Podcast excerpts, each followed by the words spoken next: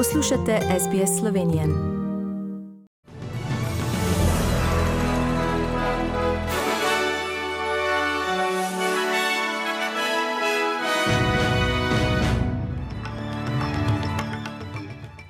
V poročilih 12. marca 2022.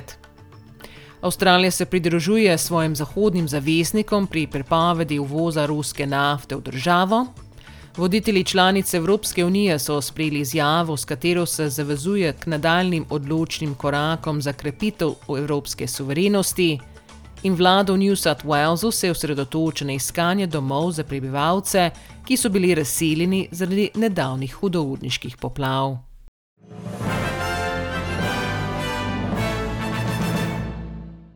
Avstralija se bo pridružila svojim zahodnim zaveznikom pri prepovedi uvoza ruske nafte v državo.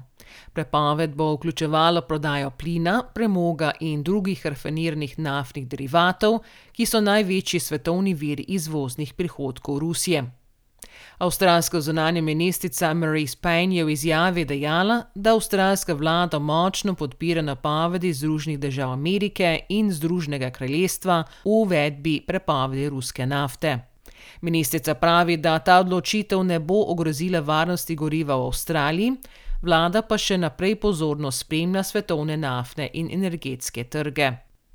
Voditelji članic Evropske unije so v Vesaju, v senci ruske vojne v Ukrajini, sprejeli izjavo, s katero se zavezuje k nadaljnim odločnim korakom za krepitev evropske suverenosti, zlasti s postopno odpravo odvisnosti od ruske energije in krepitvijo obrambnih zmogljivosti. Napovedali so tudi četrti svežen sankcij proti Rusiji. Po prvem dnevu neformalnega zasedanja so voditelji sicer sporočili, da Ukrajina sodi v evropsko družino, a želenih jamstev glede čimprejšnjega članstva v Uniji Ukrajina, ki je v primežu vse bolj krvave vojne, ni dobila. Slovenski premier Janez Janša se je udeležil vrha Evropske unije v Vrsaju.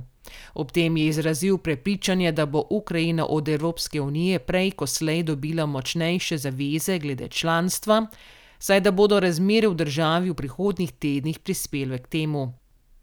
V Sloveniji naj bi bilo v zasebnih nastanitvah pri znancih in sorodnikih prijavljenih 2500 ukrajinskih beguncev.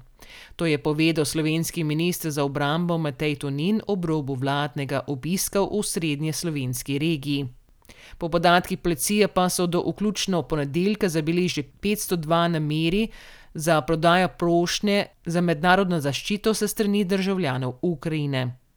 Slovenski notranji minister Aleš Hojs je dejal, da lahko Slovenija zagotovi nastanitve od 20 tisoč do 30 tisoč beguncem, skupaj pa jim lahko oskrbi približno 200 tisoč. V tem hipu je na voljo od 1000 do 2000 nastanitev, je še dejal.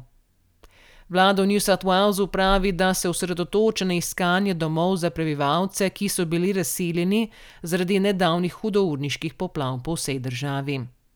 Velik del pozornosti bo namenjen opustošenemu območju severnih rek, saj naj bi jutri prispelo 20 avtodomov, ki bodo zagotovili začasno namestitev stanovalcem, sledi še 100. Premier New South Wales Dominic Perrottet pravi, da je obseg premikov pomemben.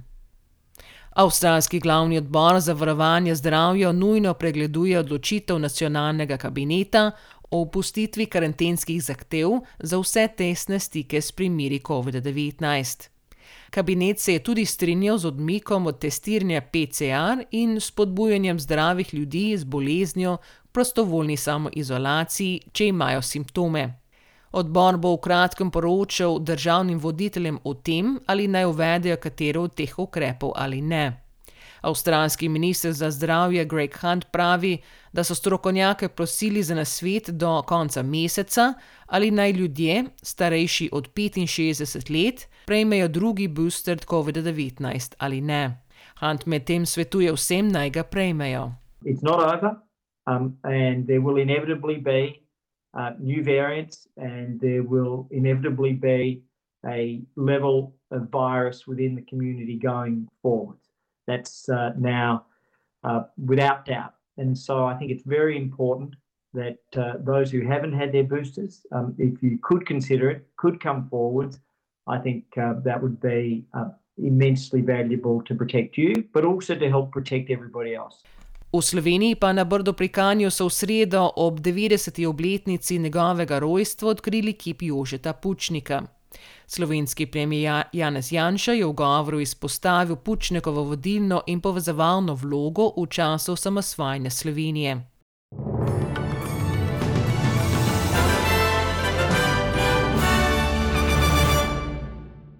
Preglejmo tečajne liste in vreme.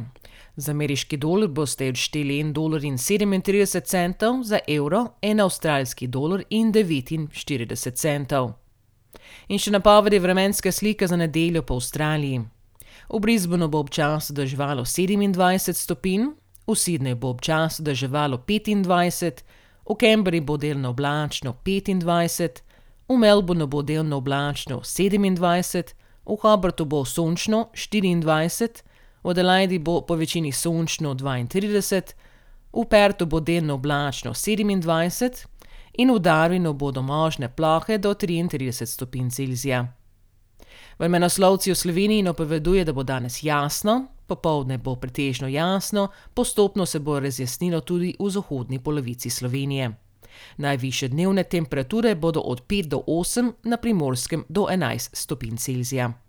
In to so bila poročila medijskih hiš SBS in STA.